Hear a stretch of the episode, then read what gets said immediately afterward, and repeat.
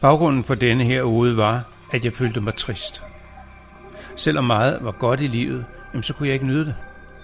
Glæden indfandt sig ikke, og selv når den prøvede at muntre mig op, vendte jeg mig fra den.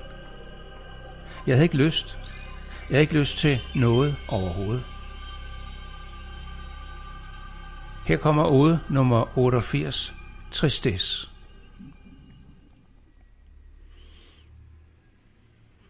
Disen hang overalt. Den begyndte omkring knæhøjde og sluttede 3-4 meter oppe i luften. Det var en let og tynd dis, hvid og gennemsigtig som den fineste tyld. Men alligevel dæmpede den både lys og lyde. Alting virkede som pakket ind i vat. Jeg bevægede mig stille rundt i gaderne og i stræderne i min indre verden.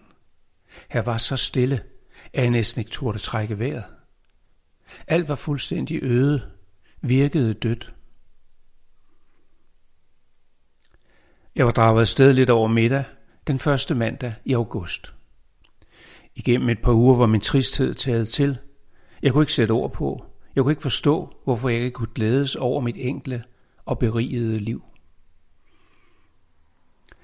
Og nu var jeg så i byen. Disen hang overalt. Selv da jeg bevægede mig væk fra centrum, og fortårne skiftede til grøftekanter, fulgte disen mig.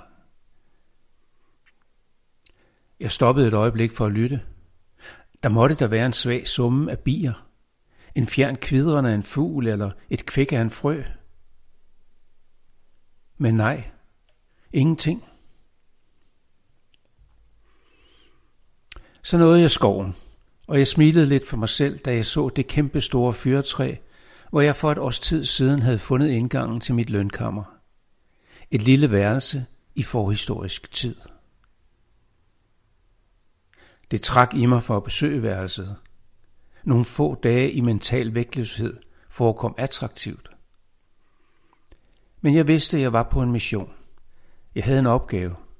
Jeg måtte løse mysteriet med min tristesse. Så jeg satte mig op ad træet, og mens jeg fornemmede århundreders fortællinger i den grove bark, lod jeg tankerne tage på himmelflugt. Drag ud og undersøg alting, sagde jeg til dem.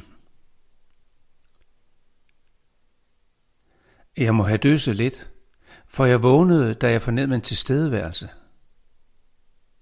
Jeg åbnede øjnene og kunne ikke lade være med at smile. Der, foran mig, to-tre meter væk, sad han min gamle kombatant, dæmonen. Jeg havde ikke set ham eller tænkt på ham, siden jeg for et par år siden havde jæget ham i en skummel gyde i min indre verden. Dengang kunne jeg have elimineret ham, løst ham fra hans opgave, men jeg kunne se værdien af hans mission og endte med at acceptere hans tilstedeværelse. Han betragtede mig i stillhed og kærligt. Long time no see, sagde han så med sin pipende stemme. Du er blevet gammel, sagde jeg bare. Det er det, der sker, når man lever længe nok. Det tror jeg ikke, man skal klage over, svarede han. Jeg smilede. Jeg kunne lide ham, selvom hans opgave var at piske mig til nye præstationer, når jeg blev lidt for malig og glad. Det er disen, sagde han så. Du er her på grund af disen, ikke sandt? Jeg er bare trist, svarede jeg. Kan ikke forstå, hvorfor. Det er disen, sagde han igen. Og han forklarede mig nu, at disen i virkeligheden er en behandling, en kur. Når din hjerne møder problemer, som den ikke kan håndtere, så skærmer den sig selv, sagde han. Disen gør problemerne mindre synlige, lægger en dæmper på dem, giver din hjerne tid til at sunde sig, blive stærk igen. Følelsen er nem at forveksle med tungsind. Men du skal vide, at din tristesse er et tegn på, at der er en helingsproces i gang.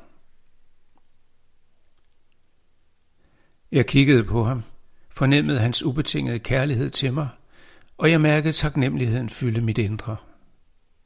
Jeg kan ikke være noget helt dårligt menneske, når jeg møder så meget kærlighed, tænkte jeg. Jeg vinkede til ham, gav tegn til, at han skulle sætte sig ved siden af mig. Han rystede på hovedet. Jeg har ikke tid, sagde han.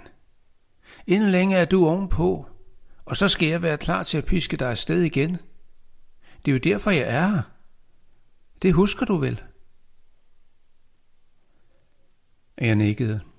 Jeg vidste kun alt for godt, at det endnu ikke var lykkedes mig at modstå hans påvirkning. Jeg havde endnu ikke fundet roen i livet. Havde endnu ikke lært at afholde mig fra at forsere alting. Jeg rejste mig og begyndte hjemturen. Allerede da jeg nåede tilbage til byen, var disen næsten væk.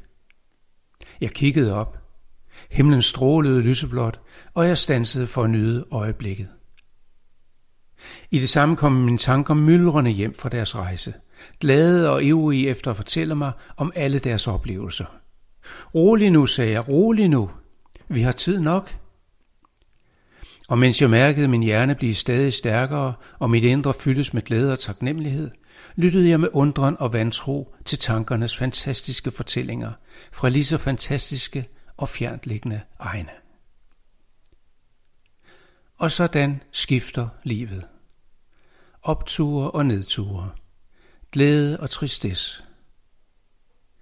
Og hvad skal jeg lære af dette? Jo, jeg tror det handler om at være til stede i dem alle.